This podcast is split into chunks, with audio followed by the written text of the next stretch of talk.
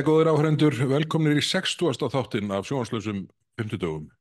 Við sitjum hér í stúdíónu, það er aðeins svona breyst skipulag rýmisins, það er, það er búið að hafa, það var fjarlægur hérna sófinn á sófinn skrifstofunni í sem að var með þrjá miða sem ástóð Það má ekki taka þennan sófa og átt á upprópunumerki hann, hann hvarf Já, uh, á meðan að þú varst á nefndarfundi var það ekki jú, þetta var gert svona næstu því skjóli nætur, í skjóli nefndafundar. Já, Ég skyndi ærðist þegar, þegar ég kom hér í hús, en, en nú setur þú þarna í þessum þægilega, ég sé bara hvað leysibóin gamlega þægilegur. já nú, nú þarf ég bara að passa mig að slagi góð mikið á og sopna ekki í þættinum Þetta, þetta getur orðið þryggja tíma sessjón. Já, hagur minn hefur heldur vængast trátt fyrir þessar ófærir þínar því að nú fæ ég að sitja í, í leysibóistólnum En það hérna, það er ekki víst að það verið litið jákvæðum augum ef við berjum leysibóin yfir í þingmannahylgin. Uh, við þurfum ekki að velta því fyrir okkur, við þurfum bara að koma honum yfir uh, þegar engi sér til. Já, það er næstum Eh, uh, orðaskrá. Borgarlegu óhlýðni, þetta var einmitt, tilkynist að. já, uh, sellufundur, uh, svona neðanjarðar hreyfing uh, þingmanna, held fundum þetta í dag og menn voru nokkurn veginn sammála um það að, að þessar aðstæður uh, gefi tilefni til þess að menn færi í borgarlega óhlýðni. Við fáum kannski eftir nokkur ár svona, svona höggmynd af leysibói hérna við hliðin á ljóta grjótinu, svörstu perlunni, hérna fyrir utan engangin í þinghúsinu.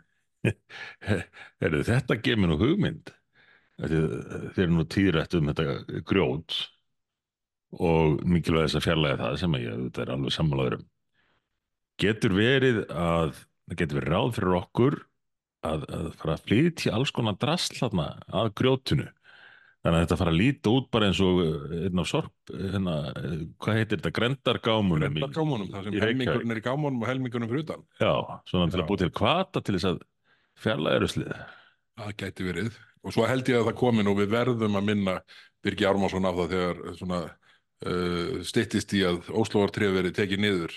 Að þá Já. verði hér risakranni á ferðinni sem að getur kift þessu grjóti með á þess að hérna, einu sinni þurfa að rukka fyrir aukalega. Já, akkurat Herri, það er eitt annað sem við gengið á síðan við uh, sátum hérna senast. Þetta Já, hérna, fyrir utan uh, þessa flutninga og andspyrnu. dölahöld hvarf uh, eimsu húsgagna. Já, það hefur eitt og annað gerst líka í, í stjórnmálunum. Þetta, þetta bara lítur ekki ná vel út hefur beggi hérna. Það er, er orðið svo tómlegt einhvað. Það var nú ekki skortur á dóti á skrifstofunni sjáðu það sem ég horfa núna bara aukt Tómt gólf Ég veit það. Þetta er, en sko, ég, gæti, hérna, þú leistir þetta nú vel með því að möbler upp með ættar sofasettinu. Já, já. Það var ekki manna að ræða eftir að öll þau húsgögg sem ég hefði mest notað voru horfin. En uh, já, ég skal, Þessu stríð er ekki lokið. nei, nei, og ég skal aðeins spá í þetta, svona finna minn innri uh, innanhús uh, arkitekt og sjá hvað ég get gert fyrir þig. Já, ég þykk það með þakkum. Herðu, en svona í þinginu, það er náttúrulega búið að vera svona þetta, þetta bras hefðbunna í aðdraganda jólalés, það sem Já. að hérna vanalega er allt í hersöndum og, og, og, og mjög flókið að, að koma, koma öllu áfram. En nú bregður svo við að það er svo fámál í vinslu að, að það er, uh, þetta er svona einhvern veginn í, í mestu róli heitum á köflum, en það eru þó flókin mál sem ekki búið að loka sem eru uh, flugskattarnir og, og siglingarskattarnir og allir hinni skattarnir, umhverju skattarnir í þessu ETS-máli. ég verð að segja þess um það að hann heldur áfram að telja upp málin. Mér hefur þótt alveg ótrúlegt að lesa umsagnir þessara aðila og heyra af komum þeirra á fundi, þá, þá er ég að tala um flugreikendur til að mynda Já, já. uh, og, og fulltrúa fyrirtækja í landinu. Það sem að menn bara lýsa þessu sem hennu mesta hryllingi uh, og uh, afleðingarnir verði, verði agalegar. Það er verið fyrst og reist agalega fyrir landsmenn, fyrir almenning og sérstaklega tekjulegra fólk sem á ekki lengur að fá að ferðast útlanda. En, en sko að annars vegar að lýsa þessu hversu afleitt þetta sé allt saman en segja svo en líklega er best að samþykja þetta af því að stjórnvöld hafa lofað því að leysa málið. Já, já, þetta er alveg, Þetta er alveg galin staða fyrir í rauninni alla að vera í. Nema, nema stjórnvöld, stjórnvöld, þeim held ég að sé alveg sama. Þau vita að þessi ríkisstjórn verður ekki við, við völd þegar sko þegar að, já, já, þetta kemur til framkvæmda. eh, 1. janúar 2027. það er nú oft sagt um stjórnmálamenn að þeir skilji ekki almennilega og það er örglega rétt í mjög mörgum tilveikum en oft velti ég fyrir mér hvort að atvinnulífið bara skilji alls ekki stjórnmálin og hvernig þau ganga fyrir sig ef að þetta fólk trúir því raunverulega að þessi ríkistjórn muni bara leysa málið einhvern veginn gagvart Evrópusambandinu eftir að vera búin að gefa eftir Já, já. það virkar bara ekki þannig Nei, nei, það er nú það sem að eftir að koma á daginn og já, það verði einhverju sem ekki, uh, ekki ber ábyrð þessi dag sem siti uppi með svarta pétur þegar nær dregur já, já. og hösti 2026 mun einhverju kontoristar í uh, Brussel, þá eru úrsula vondi lægin eflust bara horfin á braut Mhm. og, og þessi var, ha? Lofaði hún hverju?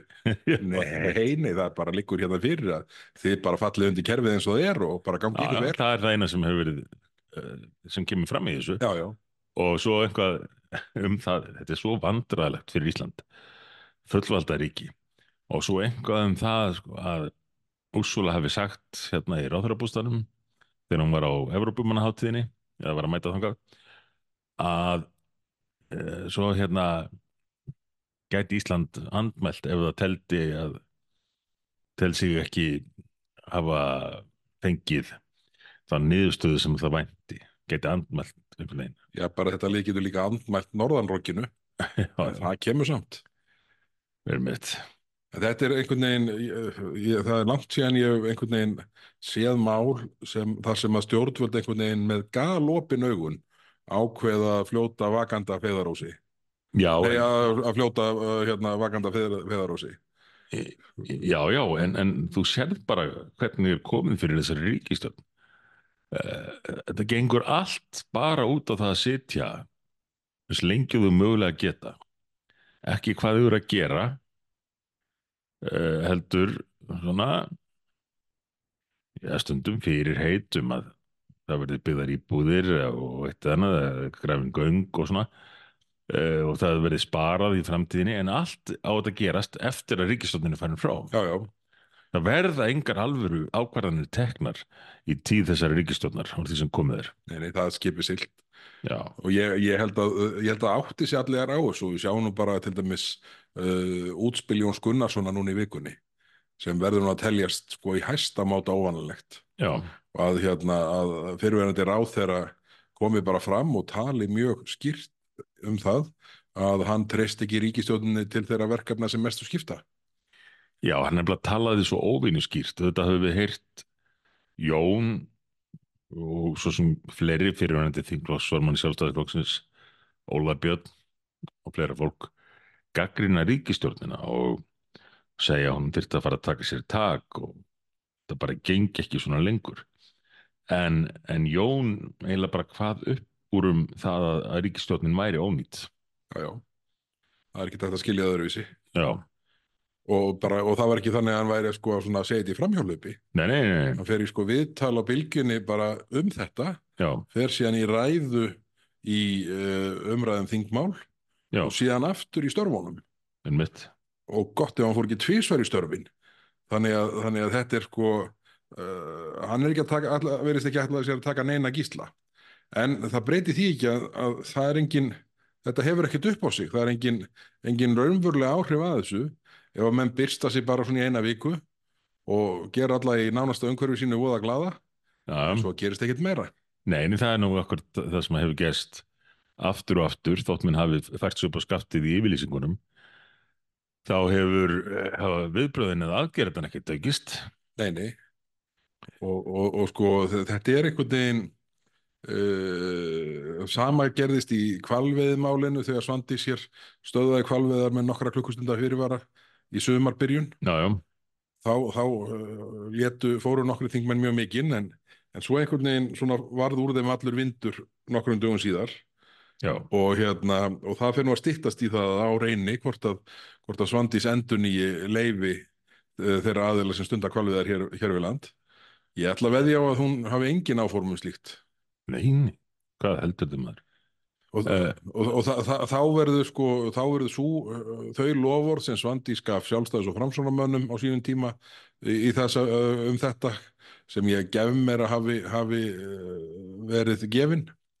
Þá Já. verða þau álíka mikil eða haldlítil og, og, og orð úrsölu hérna yfir kaffibólla í, í ráðarbústafnum gagvart 1. janúar 2027. Já, já, já. Og það er bara hérna, áhuga samir ættu bara að fara inn á VF Þingsins og lesa umsögn Æslandir. Það myndi mitt aldrei á hérna ræðu Svandísa Svavastóttur í atkvæðagreislu þegar vinstri stjórn Jóhannu var að sækja maðalda að Evropasambandinu. Þá fór Svandís í hérna mikla innblásna ræðu um ga galla og það fann því allt í foráttu en stutti svo málið, stutti uh, aðaldarumsóknina. já, já. Þannig að hérna, þannig að það, það er nú svona Þetta var ágætið samlíking hjá þér, ég man eftir þessari ræðu, hún var svo, hún var svo, já, söguleg, sko, Það sem hún alveg hamaðist gegn uh, Európusambandinu og því að sækja þeirra Já, já. aðild, en svo fyrir vikið væri neðustan svo að það væri rétt að sækja mál. Já, þetta er eiginlega að finna, finna ræðuna. Já, á, á sama tíma var ég hér að leita að, að því vorum að tala um þessi flugmál, glærur sem ég er búin að reyna að fá um, um nokkra mánuða skeið og hafa skilað sér sem að sína það hver áhrifin af þessu eiga að verða og það kemur hér fram Af, af flugskottunum.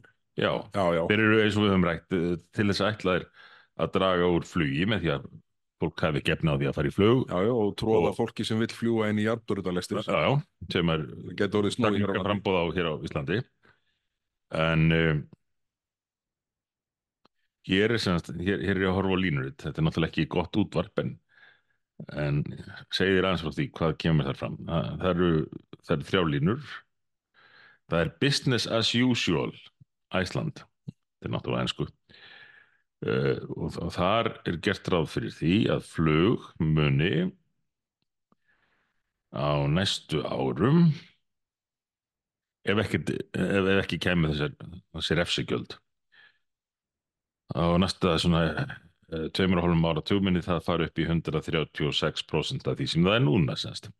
aukast um 36% til og frá Íslandi Mhm. en ef að e, það fit for 55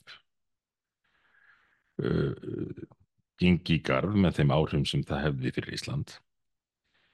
Þá væri flug til og frá Íslandi komið niður í 25% af því sem nú er. Sko, af því sem nú er sko, og já, ennþá minna af, af því sem ella hefði orðið. En flug eftir 2,5 áratug væri orðið fjórðungur af því sem það er núna og heldur þetta myndi ekki hafa áhrif á Ísland? Því er þetta þessi pest er að hrjá mig það Eh, heldur það ekki að það muni hafa áhrif á, á, á fleiri greinar heldur en uh, ferðarþjónustuna og uh, og starfsemina í Keflavík, flugrekstur. Bara flutningur á vörum, ferski fiskurinn, í rauninni bara allt. bara allt saman.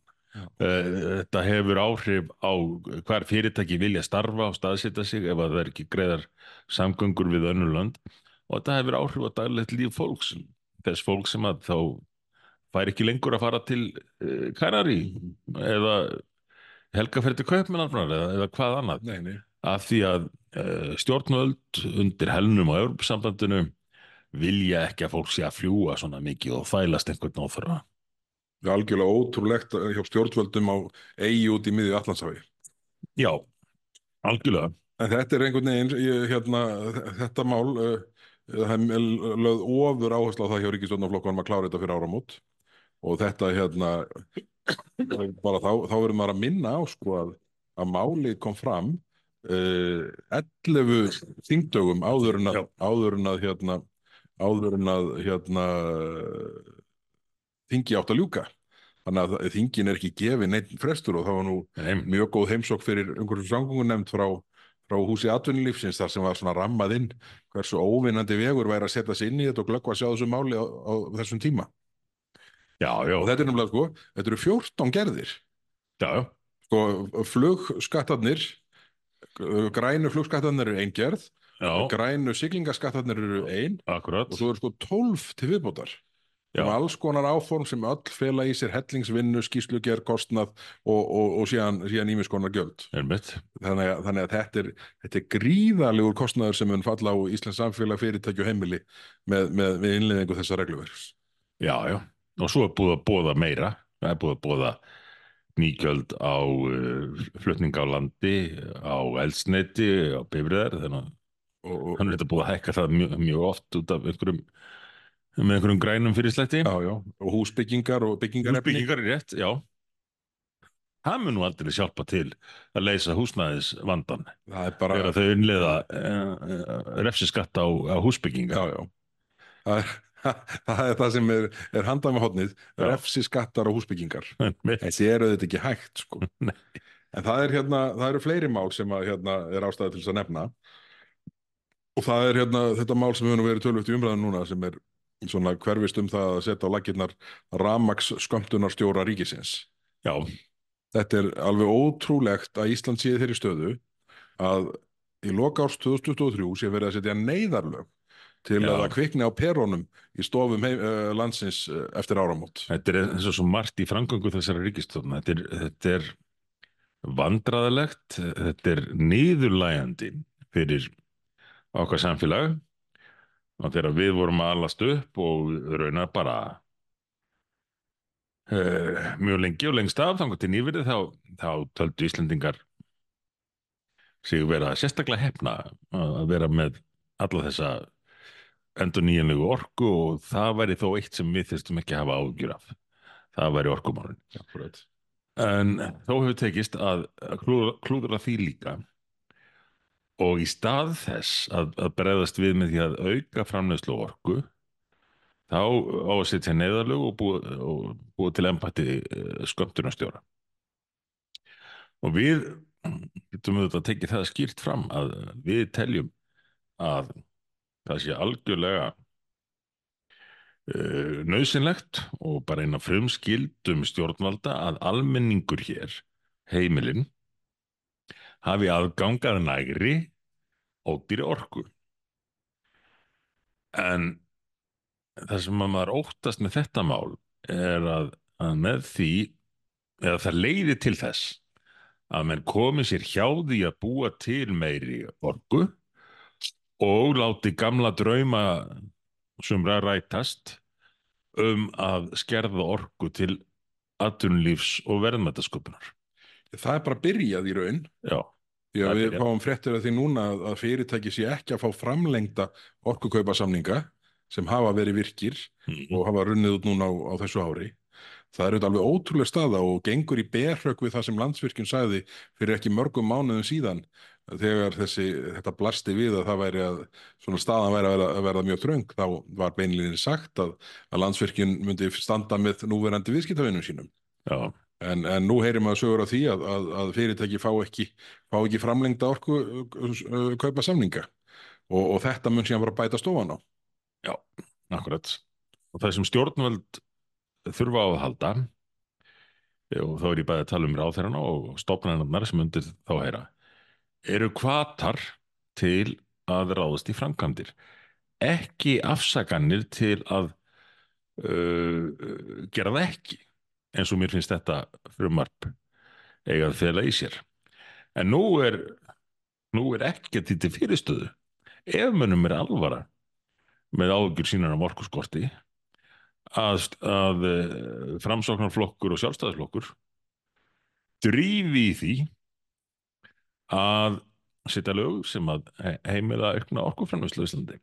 Láti hendur standa fram úr ermum. Þú, þú uh, fórst upp í þinginu núna í vikunni með tilkynningu þess efnis að við værum til í það að styrkja uh, öll slík mál allavega þau sem til framfara að horfa þau sem eru skynnsamleg uh, og þar með var komin nýr meiri hluti já, já. og, og svo kom formaður viðreistnar í framhaldin og sagði slíktið sama þannig að það er komin alveg klár meiri hluti fyrir því að ráðast í orkuöflun og bregðast við þessu neyðrástandi ef menn vilja Það er nú málið. Svo bættist uh, samfélkingin við í morgun á forsíðu morgunblassins. Mér finnst nú líklegt að flokkur fólksins uh, að hoppi á vagnin með okkur þarna líka. Já, Og þá er sko komin, það er nú, þe na, það er nú þegar komin aukin meiri hluti í já, sem gerir þetta ennþá galnara að vinstri grænir hafi þessi stöðu.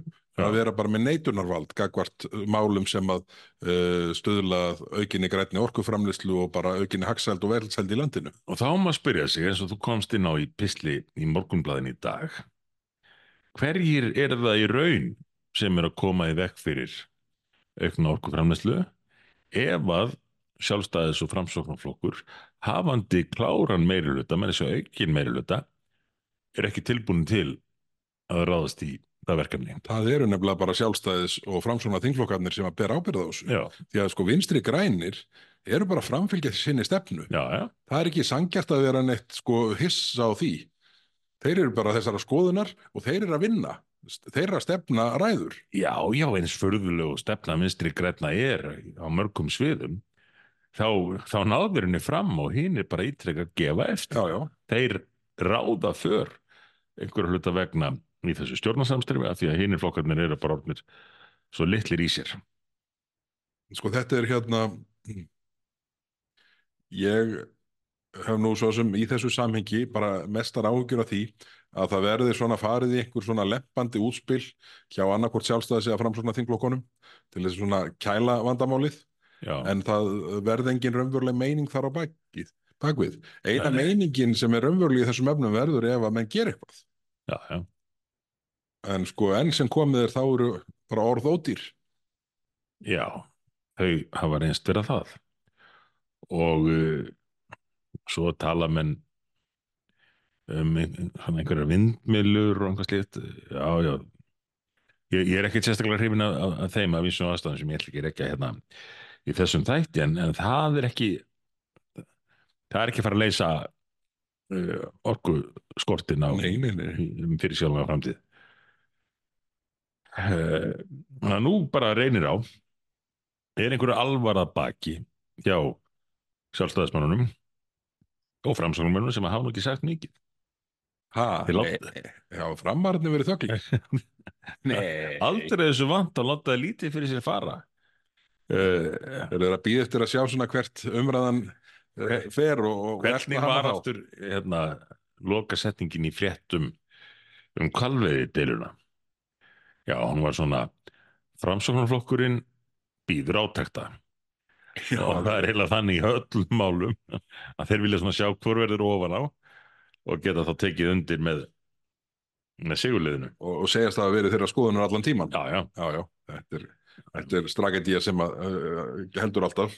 Ég, ég fór í hérna reddi við Guðlúð Þór orkumálar á þeirra í fyrirspunna tíma ætlaði ekki verið á mánudaginn og hérna og þar spurði ég hann út í það hvort að hann væri uh, tilbúinn að styðja við uh, sérlög uh, gagvart uh, orkukostum þannig að, þannig að hérna, það er, þetta er tekið út ákveðni kostir út úr rammaátunaferlinu og fremst í rauðinni væri þetta augljóslega kvamsvirkjun og hérna og ég, eins og kerfið er sko, þá fær maður tvö tækifæri til að spyrja, spyrja ráþærin og hann svarar á milli og hann kom tvisar í pontu og tókst að tala um veðrið á banatímanum því að hann svaraði í hvorut skipti þessari spurningu og í setni fyrir spurninni bætti ég við spurningunni hvort hann hefði lagt eitthvað mál fram í ríkistjórn sem væri til bóta í þessum efnum sem hefði verið stoppað já í ríkistjórninni. ég, ég tók eftir því hann, hann átti ekkert svarið. hann, hann uh, kom sér undan að svara því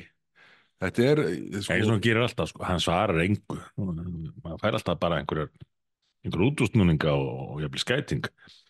Og ég er ekki enn að tala um eh, að hann bara get ekkit annað gert en að halda áfram að auka skuldbindingar Íslands kakvart Európa-sambandinu af því að fulltrúar Íslands hafi mætt á, á kopp eitthvað í, í París 2015 já, já, alveg, alveg kostuleg. Og einhvern tíma held hann í fram að ég hefði mætt þarna með 70 manna sendinemnd hann vissi alveg betur sko.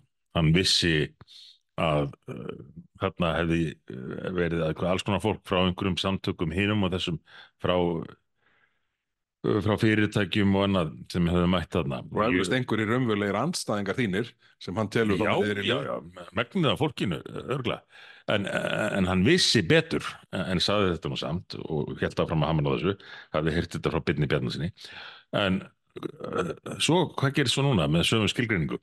Þá fer hann á COP28 með uh, 80 og 7 manna semdinemnd eða, eða hvað er þetta endaði? Já, já, akkurat.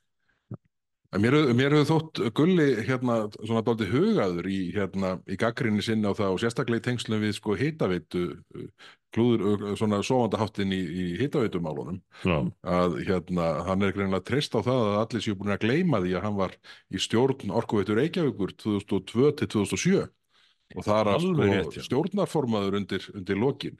Hann hættir stjórnarforminskunni þarna í uh, júni 2007 held ég að það verið. já, já Þannig að, þannig að það er auðvitað alltaf vont þegar menn lendi í því að gaggrina sjálfa sig harkarlega á þess að mun eftir því að, að, að, að menn falli sjálfur undir, undir uh, en gaggrinda hóp. og hann lendir nú kannski í því oftar en flestir. Lofslags ráðferðan okkar blessaður. Það þýttir nú eiginlega bara að gera rannsókn á því hvað Orkuveita Reykjavíkur gerði í því að, að hérna, auka heitavaðsframleyslu eða, Já. eða sækja meira heitt vatn á þessum tíma og, og, og, og hérna, mér minni nú reyndar hann hafi ekki verið stjórna formaður lengi en það er ábyggilega, ábyggilega einhvern svona, ætla að sé ekki, ég myndi halda að það væri að, eitthvað annað ár allavega, Já, þannig að það er hérna, má má setja eitt og annað að staða á þeim tíma.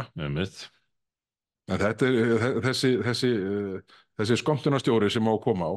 Svo, svo, er það nú enn eitt atrið sem hefur, hefur flotið upp í þessum umsögnum sérstaklega og, og bara umsögn samtaka yðnaðarins um þetta mál er hreinlega alveg ótrúleg.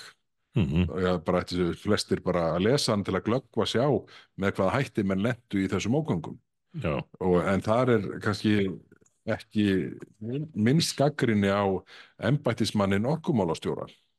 Já, sem að hérna, sem fær mjög harkalega útreið þar og, og hérna og, og e, uh, það er einmitt uh, sá embættismadur sem að samkvæmt frumvarpinu fær það hlutverk að vera skömmtunarstjóri rávorku já, en, Já, já. en nú er verið svona uh, til að reyna að lempa, lempa uh, andstöðu uh, f- fólks og fyrirtæki og samtaka við frumvarpið þá held ég að sé verið að svona horfa til þess að breyta því þannig að ráþeran verði, verði skömmtunarstjórin þetta er alltaf ágætt að ábyrðin sé sem næst ráþera á hlutu Já, sem ber ábyrð á hvort sem er.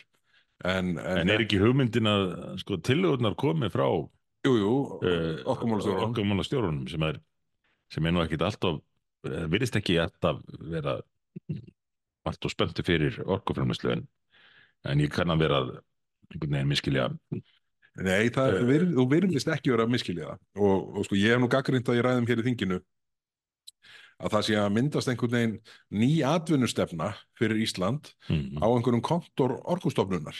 Já, apparat sem hefur ekkert með slíka stefnumörkun að gera, hún ætti að nei. hér í þinginu. Og hérna þannig að uh, ákvarðanir um að ný orka henni sé forgangsrætt til orkuskipt og þar fram til kvotunum, með minnir einmitt að það hafi verið viðbröð við slík út, útspil orkustofnunar þegar landsvirkjun segir við munum standa með núverandi kunnum okkar. Já, en það sem auðvitað sko þarf til að Íslands samfélag vaksi og dafni og eflist er auðvitað að menn geti uh, starta nýjum atvinnurekstri til þess að hérna, Já, auka, auka hagsalt hér í landi. Sjáum bara uh, einn ýmsu tækifæri í hérna í þessum gagnaversiðinaði með, með, með hérna uh, þessari gerfi greind og öllu slíku. Landeldið þar sem menn fari það þar gríðalegt rafmagn. Já. það eru fleiri þættir sem eru nýjir þurfa rafmagn, mikið að því og, og við höfum aldeilis tækifærin til að búa það til en erum bara ekki að gera það.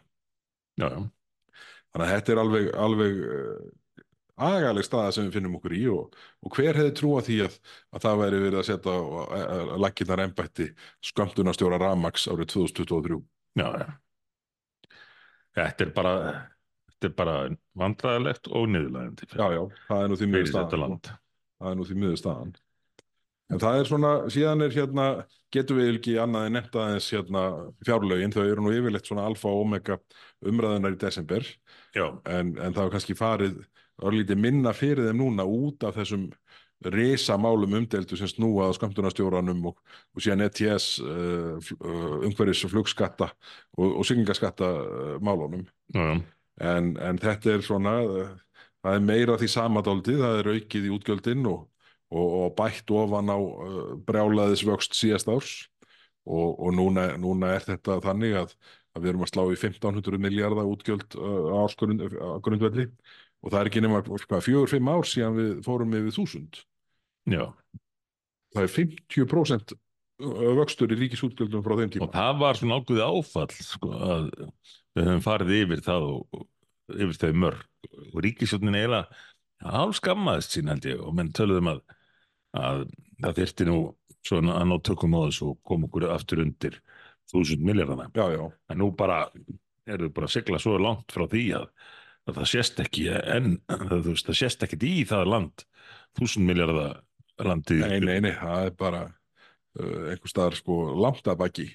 Og, og, og síðan sko þegar ríkistjórnin eftir mikla yfirlegu og, og barmar sér mikið tekst að finna 17 miljardar aðhald í Mm. öllu þessu fjárlega fargani já, og oppin að því eru fuglar í skógi ekkert sem er fast í hendi á bara vona að komi fram í, með einhverjum hætti í gegnum næsta ár.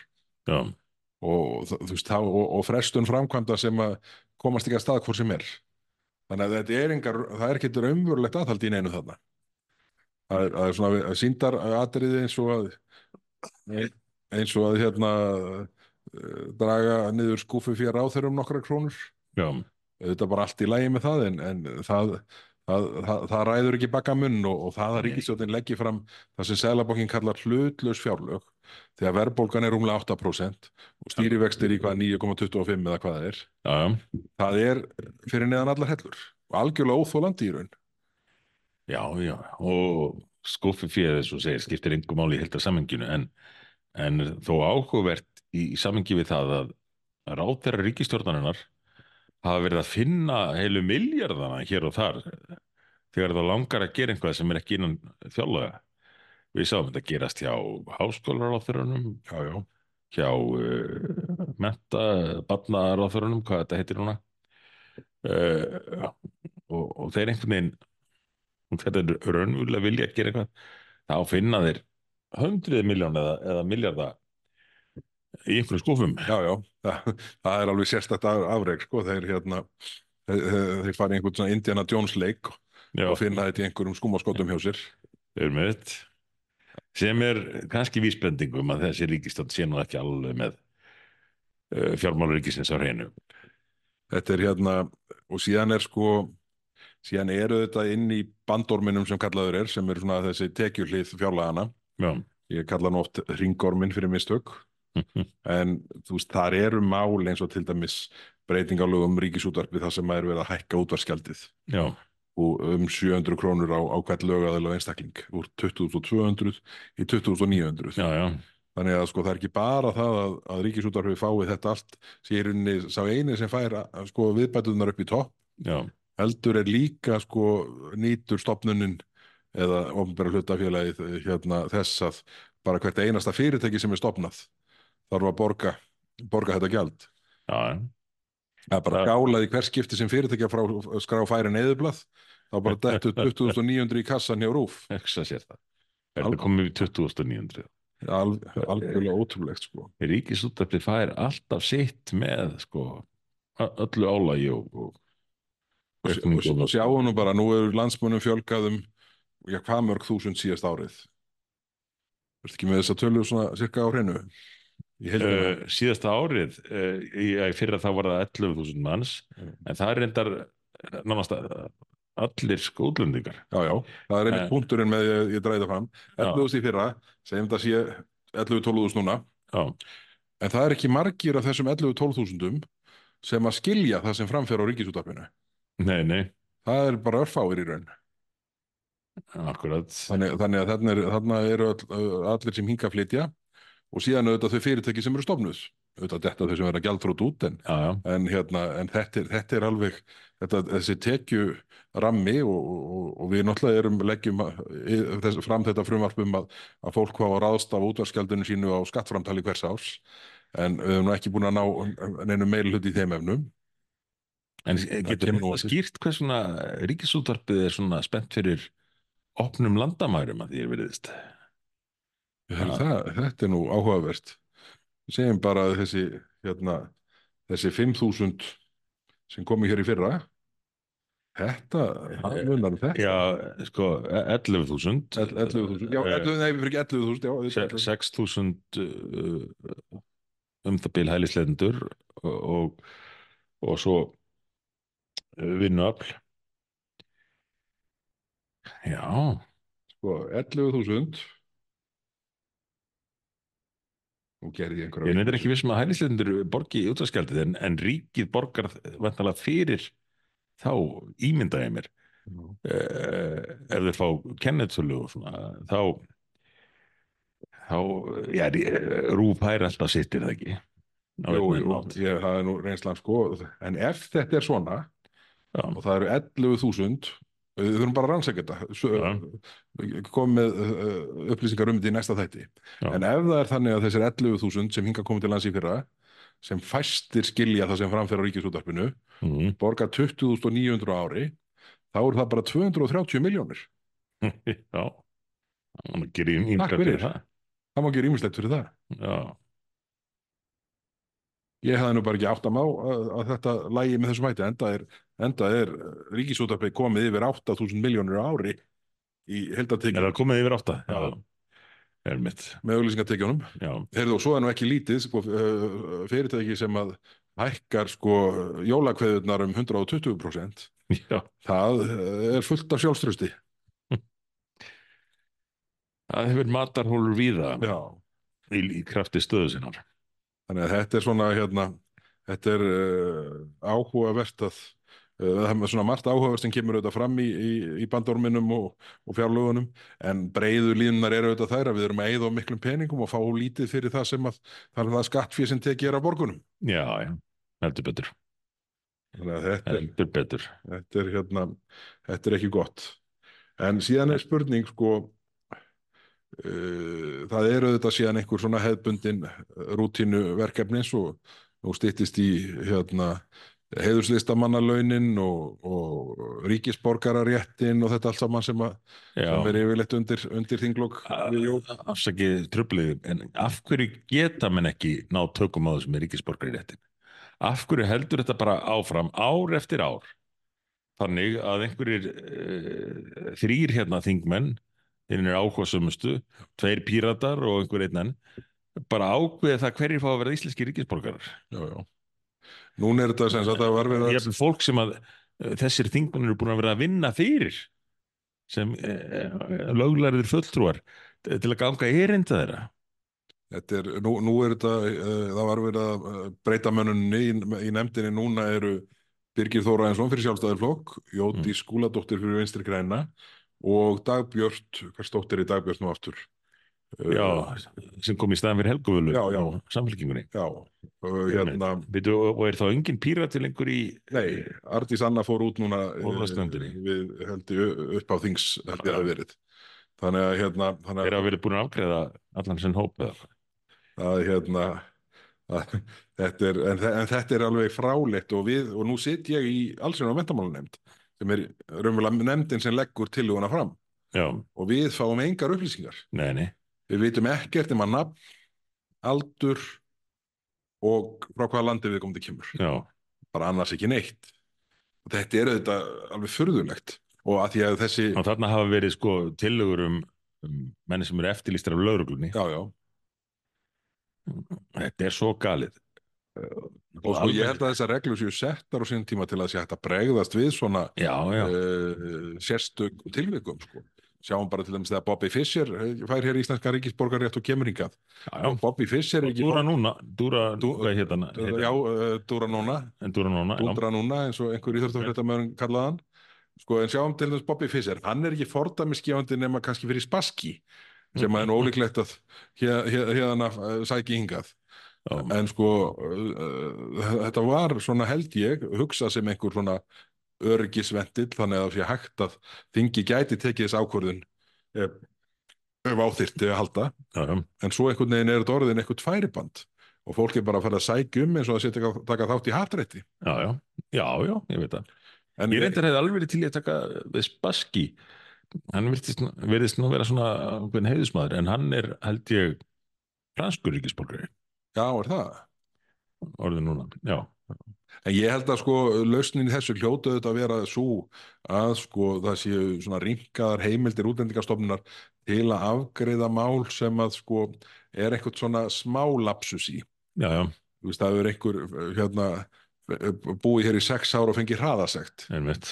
og þá sko er honum hafnað bara sem rútínu samkvæmt gömlu reglunum. Þannig að ég held að sko ef við tökum þau mál og leysum þau þá, þá, þá er ekki hérna, þá er ekki mikið af svona held ég, maður ætti segja sko umsóknum sem er ekki þeirra gerðar að fólk ætti bara að býða eftir að uppfylla skiliðin sko. En ættu ekki að vera einhverjar uh, hvaðir, eins og til að mynda í bandaríkjunum, um að menn að einhverju leiti skilji tungumálið, þekkja að einhverju leiti menning og sögulandsins.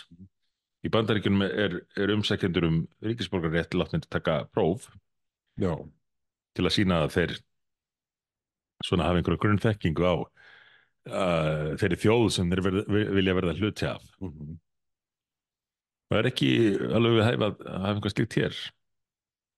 Tala um ekki í ljósi þess hve- hversu lítil þjóðin er og, og, og, og með hliðsjón af mistökunum sem hafa orðið á öðrum Norðurlöndum og víðar varðandi aðlugun. já, já, akkurat. Ef þú ætlar að hætta að vera eh, þess lands þess ríkis sem þú ert frá og vilt verða íslensku ríkisborgari eh, er ekki alveg eðlilegt að, að komum til þá að, að síni vilja sinn í verki. Manni finnst það nú sko.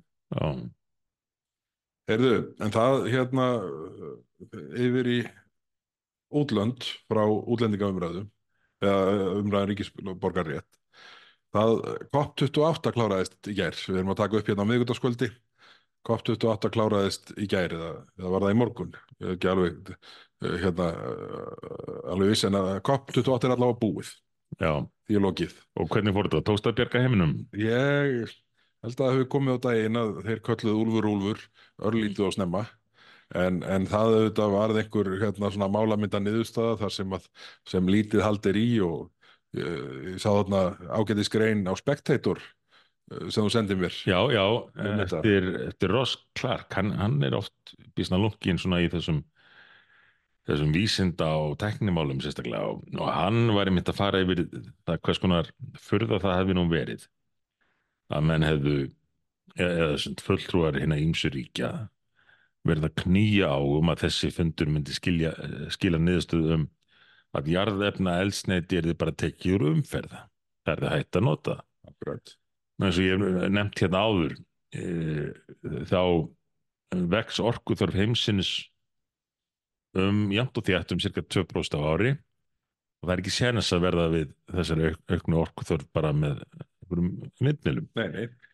en, en að, í þessari grein bendir Ross þessi á að að löndin sem að ég vil töluðu hvað mest sum fyrir það er því bara að samþykja þetta að uh, útiloka jarðefnaelstindi þau eru mörg gríðalega virki því núna að fjárfesta í og byggja upp uh, aukna uh, framleyslu og vinslu jarðefnaelstindis um, og þar má nefna já, þar nú valla nefna Kína nei. Ætli þeir hafi verið hlæjandi þegar það var fyrir þessu bara svona Ég held það. þessi vesturlanda búar ég, ég, ég, ég held að þeir bara haldi áfram að hlæja allalegið í kolonlómuna þegar þeir fylgjast með, með Vesturlöndunum og þeir eru nú kannski ekki svona fremstir í flokki við að e, krefjast þess að að jarðefna elsniti er tekið um umferð en þeir þó tilkynntu ekkit alls fyrir lengum að þeir stefni á net zero eða kólefni slutleysi árið 2060 en síðan að svo yfirlýsing kom hafa þeir reist uh, 182 ný kólaorkuver. Er ekki tvö á viku? Jú, ég held að það sé sé svona Ég, ég held ég að við séð það einhvers þar. Ég, ég, ég, ég ætla bara að segja þetta hérna bara til þess að geta uh, greipið til þessa comments uh, eftir rúmt ár. En ég held að Kamila Harris hafi nú farið áleið, svona vel áleiðis með það að tryggja Trump sigurinn í kostningunum á næsta ári með því þessari yfirlýsingu sinni í Dubai um að ætla að loka öllum kólaverum bandaríkjana. Já, Að, ég mun það gerast. Það er ekkit víst enda eins og segir þessari grein. Þá eru bandaríkin að fjárfesta líka mjög mikið í nýri vinslu og já, já, já. og meiri sé að Kanada uh, og hinn hin helga ríkistjórn Justin Trudeau er búin að stórauka vinslu á, uh, á jarðefnælsniti á síðustu tveimur árum. Normenn, það er allir að gera. Norðmenn, já, já, Brasilia Nefn ísbendingar, við bönnum rannsóknir. já, þetta er svo fráleitt á meðan að Brasilia uh, undir, heitir ekki Lulu þarna, Mm -hmm. nýji vinstri eh, nýji vinstri fósiti Brasilia sko kallaði stíft eftir því að það er samþygt að, að hætta notkun jarðefnælsnendis alveg fram á síðasta dag. Og það þangur til í gæri hugsa ég. En hvað er þeir að gera meðan? Þeir eru að fjárfesta gríðarlega í ólíuvinnslu sjálfur með það að markmiða að verða orðnir uh, fjórði stærsti ólíuframlendi í heimi uh, eftir uh, nokkur ár. Og svo auðvitað gestgjáðarnir saminuðu arabísku fyrstadæmin þeir eru að setja hvorki meirinu meina en 150 miljardar dollara sem eru gífulegi peningar í að auka framnæslu um helming fyrir eh, eða á, þegar komið er á árið 2027 sem er nú já.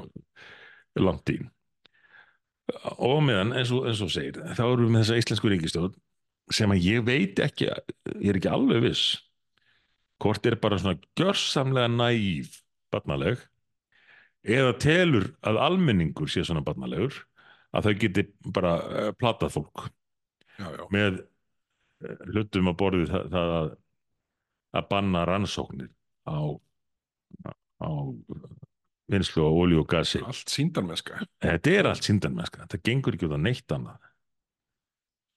En það pyrra mig hvað við komum stundum Og- upp með En það er líka áhverð að sjá, sko, markaðurinn gerir ekkit með þetta. Þessa yfirlýsingu sem kom þarna frá kopp. á Nei, nei, nei. Því að sko, uh, Shell og BP, þessi risa olíufyrirtæki, Já, þau högguðust ekki á mörkuðum. Nei. Og sem hlítið Það vita allir að þetta er bara einhver síndamennska. Uh, og, og ég ímynda mér að stjórnmálamenninir sem mæta þarna vita það líka. En, en veit íslenska ríkistjórna eða, eða trúur hún því að hún sé að berga heiminum ég, með því að hækka allar þessar álögur og almenning og komið veg fyrir að, að uh, fólk geti Ná, berjast til útlanda og átt Já. bíl og svona Á hún ekki bara nóg með að bjarga sjálfur sér. maður skildi ætla það Sýnir svona opin og orkunni fær í það. já, já, nefnmett en, en hún mætti nú þarna Katrín og, og lofaði hvað, hálfur miljón dollara 70 miljónum króna í stuðning við Eh, lo- Loss and Damages, minnum með þessi Já. kallaða sjóð, sjóðurinn. Hamfara sjóðurinn svo kallaði. það er svona katsing fyrir ríkistofnir í, í spiltustu löndum. Afríku og svona. En, en Katrín ákvað að setja 70 miljónir í þetta. Og uh, Joe Biden og Bandaríkin ákvað að setja 20 miljónir dollara. Sem er uh, er það ekki þá 40 falt á við Ísland. Uh, frá landi sem er uh, þúsundfalt fjölmennara Þetta eru sko, ég var einhvern tímann að skrifa um þetta. Uh, hann- ég, hérna, þetta var, ég finna það nú ekki fljótu bræði, en, en sko heildar áætlun um umfang þessa sjóðs já, já, er sko stjartfræði Við rættum um einhvern tíma held ég en þætti. Mér minnir að sko hlutfall Íslands í þessum sjóði ef, ef hann erði sko stiltur af miða við upphæðlegu plönin sem voru tilkynnt þarna í Egyptalandi í fyrra Já, þá væri þetta einhverju nokkri miljardar frá okkur. Mér minnir að það hefur verið þrýr til fjórir. já, Þannig að, þannig að þessir 80 það er bara you ain't seen nothing yet eins, og- eins og það stendur. Þannig að hérna, Þetta er allt svona, þetta er ekki bara síndarmennska mingil í kringum þetta, heldur líka alls konar sveikamennur. já, já. Og þessi uh, aflátssala, aflátsbreyfasala og þetta allt saman, þetta er auðvitað Einmitt. en uh, alveg svona, þetta er svona rað ponzi skím Já, já, Herðu, en síðan er sko síðan er ef við svona vendum kvæði okkar í kross þá kom upp áhugaverð uh, kom fram áhugaverð frétt í í gær uh, á ríkisúðöfni þar sem með segir að með fyrirsökkuriftin yfirskriftinni telur það hafa verið mistök að hafna aðgerðar áallum gegn hatursorðræðu Þannig eru tveir mestu sérfræðingar landsins í þessum efnum dregnir á flott já, já, báðir starfandi í bransanum. já, já, uh, hatursorðræðu yðnaðinum Einmitt. Dr. Henry Alexander Henrysson rannsóknar sérfræðingur á siðfræðistofnun Háskóla Íslands eins og það stendur hérna. Já, og Dr. Marja Rún Bjarnadóttir forstuðumæður mentasetur slögreglunar já, og, Hey, og, var ekki og- bara að ráða hana að vera einhver haturs lögregla og við um vinstri græna eða Ég, ríkisúðan ég held að þetta sé önnur, en það var, sko, á sínum tíma var ráðin einhver kona uh, beint af frambóðslista og flokkstarfi eða flokkstarfi VFG, uh, mannfræðingur, aktivisti á þessu sviði og hún fór beint úr því í að kenna lögreglunni hvernig hún ætti að starfa og hugsa. Hún fekk lögreglu uh, skýrtinni varði lögreglu kona án þess að hafa farið í neitt lögreglu skóla en fór sem vinstri græn aktivisti í að kenna lögreglu skóla nemum hvernig er þetta að hugsa og tjá sig og, og framfylgja vinstri grænum lögum í landinu.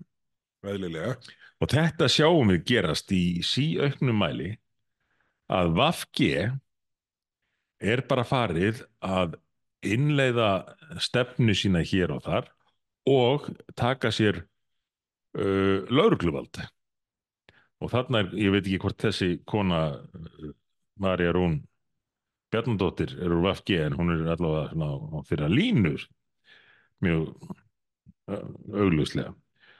Uh, og, og, við sjá, höfum séð þetta á, á öðrum sviðum, við sjáum þetta með tillugum VFG um þessa nýju mannréttindastofnun þar sem að var bara verið að búa til stofnunum vinstri græn fræði og vinstri, vinstri grænt samfélag og veita þeirri stofnun völd. Það var markmiðið. Og hinnir blessaðir stjórnarflokkarnir sjálfstæðis og framsangflokkur einhvern veginn lullast alltaf þarna eftir og vita ekkert hvað eru að gera. Uh, allavega síst hvað VFG er, er að gera eða, eða þeir sjálfir.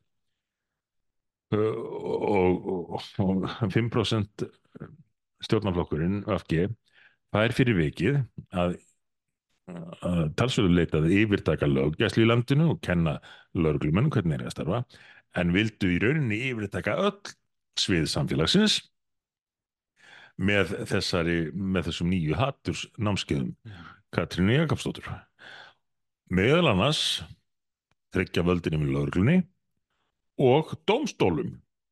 Já, já, sem að var algjörlega galið sko. Gott að ef þú var last eh, þann þátt í frumvarpinu hvernig uh, þátti bara að uh, fræða dómstólna um, hvernig þeim bæri að dæma eftir ekki stjórnarskráni eða lögunum heldur því sem hann teldist rétt að mati einhverja vinstri græna aktivista sem eru komnir í leiðsagnan hlutverk fyrir dómstóluna. En allavega, þe- þessi kona, hún telur það mikla synd að, að þessi tilraun uh, VFG til þess að ná valdi yfir samfélaginu öllu og, kenna öllum frá leikskólabönnum að, að hundra ára fólki á, á öldrunarheimilum, hvernig því bara að hugsa og tjá sig. Telur þetta mikla synd. Og ræðir þetta á einhverju ráðstefnu sem að Rúf greinir frá. Um, um málfrelsi. Og þessi frétt ég, ég veit að ég næ ekki að lesa hann alltaf ætla ekki að leggja það á hlustendur hvert samt áhuga saman til að finna hann og lesa hann. Hún er svo merkileg á, á sinn hátt. Fyrirsögnin er samfélagsmál. Telur það hafa verið mistök að hafna að gera átlum gegn hattursorðuræð og þarna er verið að ræða um á að heita um, vera umræðum málfrelsi. En flestir þeirra sem að tala þarna virðast telja málfrelsi bara tölvist hættulegt. Uh, og hún Marja Rún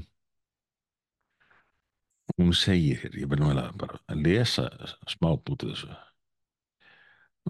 Og, og hlustendur geta þá bara skilir þetta allt á sinn hátt því ég skilir þetta ekki alveg sjálfur. Um, Marja Rún segir að til þess að bregðast við slíkri orðræðu grófaskilleri orðræðu sérst, sé nöðsynlegt að viðbröðin endur spekli alvarleika hennar. Það er svo og nú er bein tilvættin það er svo mikilvægt að alvarleiki tjáningarinnar og viðbröðin við tjáningunni spekli hvort annað. Svo við séum í raun ekki með of lín viðbröð við alvarlegri tjáningu eða of alvarleg viðbröð við óalvarlegri tjáningu vegna þess að það getur skapað óþarfa spennu í samskiptum segir Marja Rún sem telur að ójapvægi í viðbröðum séu til þess fallin að skapa vantraust í samfélaginu. Ef það er þannig að ríkið fer inn og refsar fyrir einhvað sem er ekki svo alvarlegt, þá er það alvarlegt í sjálfu sér. En ef ríkið bregst ekki við þegar einhvað alvarlegt er gert, þá skapar það líka vantraust. Þannig að Þannig er það svo mikilvægt að þetta fari vel saman, að það séu viðgandi viðbröðið nýsmunandi alvarleika tjáningar, segir Marja Rún. Ok, ég skil þetta betur núna þegar ég lesi þetta í annað sinn, en, en hún er þetta að segja að, að viðbröðinni tjáningu þurfa að vera í samræmi við alvarleika tjáningarinnar. Uh, hversu, uh, hversu alvarlega þú hafið rámt fyrir þér í skoðanum að mati stjórnmálda. En þá kem, komum við mitt að því sem að við höfum nú stundum nefnt uh, í tengslum við þessa, þessi áform ríkisvöldunarinnar að ég held sé engin dæmi þess að stjórnvöld hér á Vesturlandum hafi, í talangjum annar staðar, hafi innleitt lög gegn því sem kallað var haturs orðræða án þess að skilgreiningin á haturs orðræðinni því hvað væri alvarlegt hafi verið útvikkuð í framhaldinu. Mm. Í hvert einasta skipti gerist það. Þegar að ríkið er komin, komið með, með lögjöfuna og tækin til að framfylgja henni, þá útvikar það alltaf skilgrinninguna á því hvað ekki má segja. Og þetta sjáum við aldeilis í Breitlandi núna og hún er mitt. Eða, eða Henry eða einhvers þeirra fór að vitna til Breitlands í í þessari frétt. Sem einhvers konar fyrirmyndir í þessu. En þar sjáum við að uh, lögurgla kemur heim til fólks og handtekur það fyrir einhvers grín, limru á, á samfélagsmiðlum uh, en svo er þetta ekki sama hver er, þú getur kallað eftir heilu stríði á gödumúti gegn ákveðnum hópum. Og lögurluna skipt sér ekkert af en, en ja, þú segir óviðandi brandara þá, þá er það bara handjátn og rimlar. Uh, og við sjáum þetta gerast mjög víða sérstaklega þessi missirun og þess að veldu mér þetta mér ágjum og í Írlandi ég veit ekki hvort þú segir þetta í fréttum í Írlandi er komið frumma fyrir þingi núna frá ríkistöðinni um innmitt svona hattus lögjöf Það sem er beinleginis gert ráð fyrir því að þér getur verið refsað og getur verið dæmdur í fangelsi fyrir mým, hvað heitir það á íslensku, svona grínmyndir mm -hmm. sem að finnast í símanuðinu. Þú ert kannski á Facebook eða Twitter eða staðar og þetta er nú fyndin mynd. Uh, veist ég, hérna, geimi hana til að geta hleyðið inn aftur. Uh, finnist þessi mynd í símanuðinu í Írland, á Írlandi, þá getur þú bara verið að leiðin í steinin. Og þetta getur verið sárasaklaus mynd. Bara einhvað sem að fyrir þremur árum þótti, sem öllum þótti fyndið, sko, fyrir þremur árum. En samkvæmt nýju skilgreiningunni fellur undir ramma hins uh, uh, óleifilega máls eða, eða spöks. Akkurat. Og þetta er óhugnulegt, finnst mér. Þetta er óhugnulegt og mér finnst svakalegt að sjá þetta, þess að þróun komna hérna til Íslands og mér finnst sorglegt að þeir flokkar í ríkistöndinni sem ekki eru vinstri hefingingar enn frambóð sem náttúrulega stiður löskum og svona dellu að þeir hafi engan döngur í sér til þess að, að breðast við eða yfir höfuð taka eftir þessu held ég stundum. Stundum held ég viti ekki eins og hvað hvað vaf gera að bralla nei, nei. í þeirra skjóli. Það er nú það sem mann grunar oft sko og, og það er ekki góð afsökun eða útskýring fyrir því að sofa verðinum. Nei. Herðu, en, það, en það var sko aldrei ekki sofa á verðinum hérna strax eftir kostningar þegar uh, þurfti að borga uh, hérna lausnargjald fyrir kostningasígur framsóknarflokksins. Fjölgun ráðaneita og það allt saman til þess að framsókn fengi sitt. Það var ekki fallið skýsla sem kom frá ríkisendurskoðun. Sko, það, það mátti segja sér þetta fyrir. Ég held að við höfum verið búin að nefna þetta bísna oft hérna í þinginu. Þegar ekki einu svona ráðferðar vissu sjálfur hvað, hvað ráðinendið er að héti eða hvaða hlutverk það hefði og við höfum oft bent á það að þetta sé nú ekki gefilegt og, og hafi mikið kostnaði för með sér með litlum árangri. Já, eins og komið hefur á daginn. Uh, en nú er semst verið að gera þetta upp eftir, hvað er þessi ríkistöld búin að lengi, meðin tvö ár það er um ár. Já, og, og kostnaðurinn við þetta, þetta brall til að geta haldið saman ríkistöldinni og, og, og veitti nógu mörgum ráðurum ráðfyrastóla eh, fór algjörluðu bandunum. Og árangurinn var engin það var tjón af þessum auknum útgjöndum sem er nú eiginlega svona daldið megin þema hjá þessari ríkistjórn að þau auka útgjöldin gríðarlega en árangurinn engin árangurinn eða afleggingin er oft bara tjón. Og það kom nú aldrei þess að daginn varandi skipulag ríkistjórnarnar sjálfrar og hennar starfa uh, allt í tómurugli og og ég held að það sé ekki einu sem enn búið að klára að finna út úr þessu. En hér erum við sem að tala um niðurstöðu frá ríkisendur sko. Uh, sem að er býstna afdrátt að laus um hvers konar uh, vittleisa hafi verið þannig gangi. Uh, og hér segir í frétt DFF um álið að vonur hafi staðið til þess að heldarkostnaðar við breytingarnar yrði 1770 miljónir en þó liggja fyrir viðbótar fjárheimildir ef kostnaðurinn reynist herri. Þó kjörtímanbilið sé halnað þá hefur ekki verið ráðist í mat á hvað þetta kostaði allt eða hvað ef einhvað ríkið hafi sparað sér við þessa uppstokkun. Þannig að við vitum þetta dýrt, við vitum þetta var rándýrt og við vitum þetta skilaði engu en við vitum ekki hversu dýrt þetta verður á endanum ætli þau sé ekki að reyna að borðast að það komi í ljósverðin eftir kostningar. Jú, jú, það er nú svona líklegt að það er öllu sópað aftur fyrir september 2025. Já. Það er nú bara þannig. Herðu, en ef ekki að fara að segja þetta gott í dag.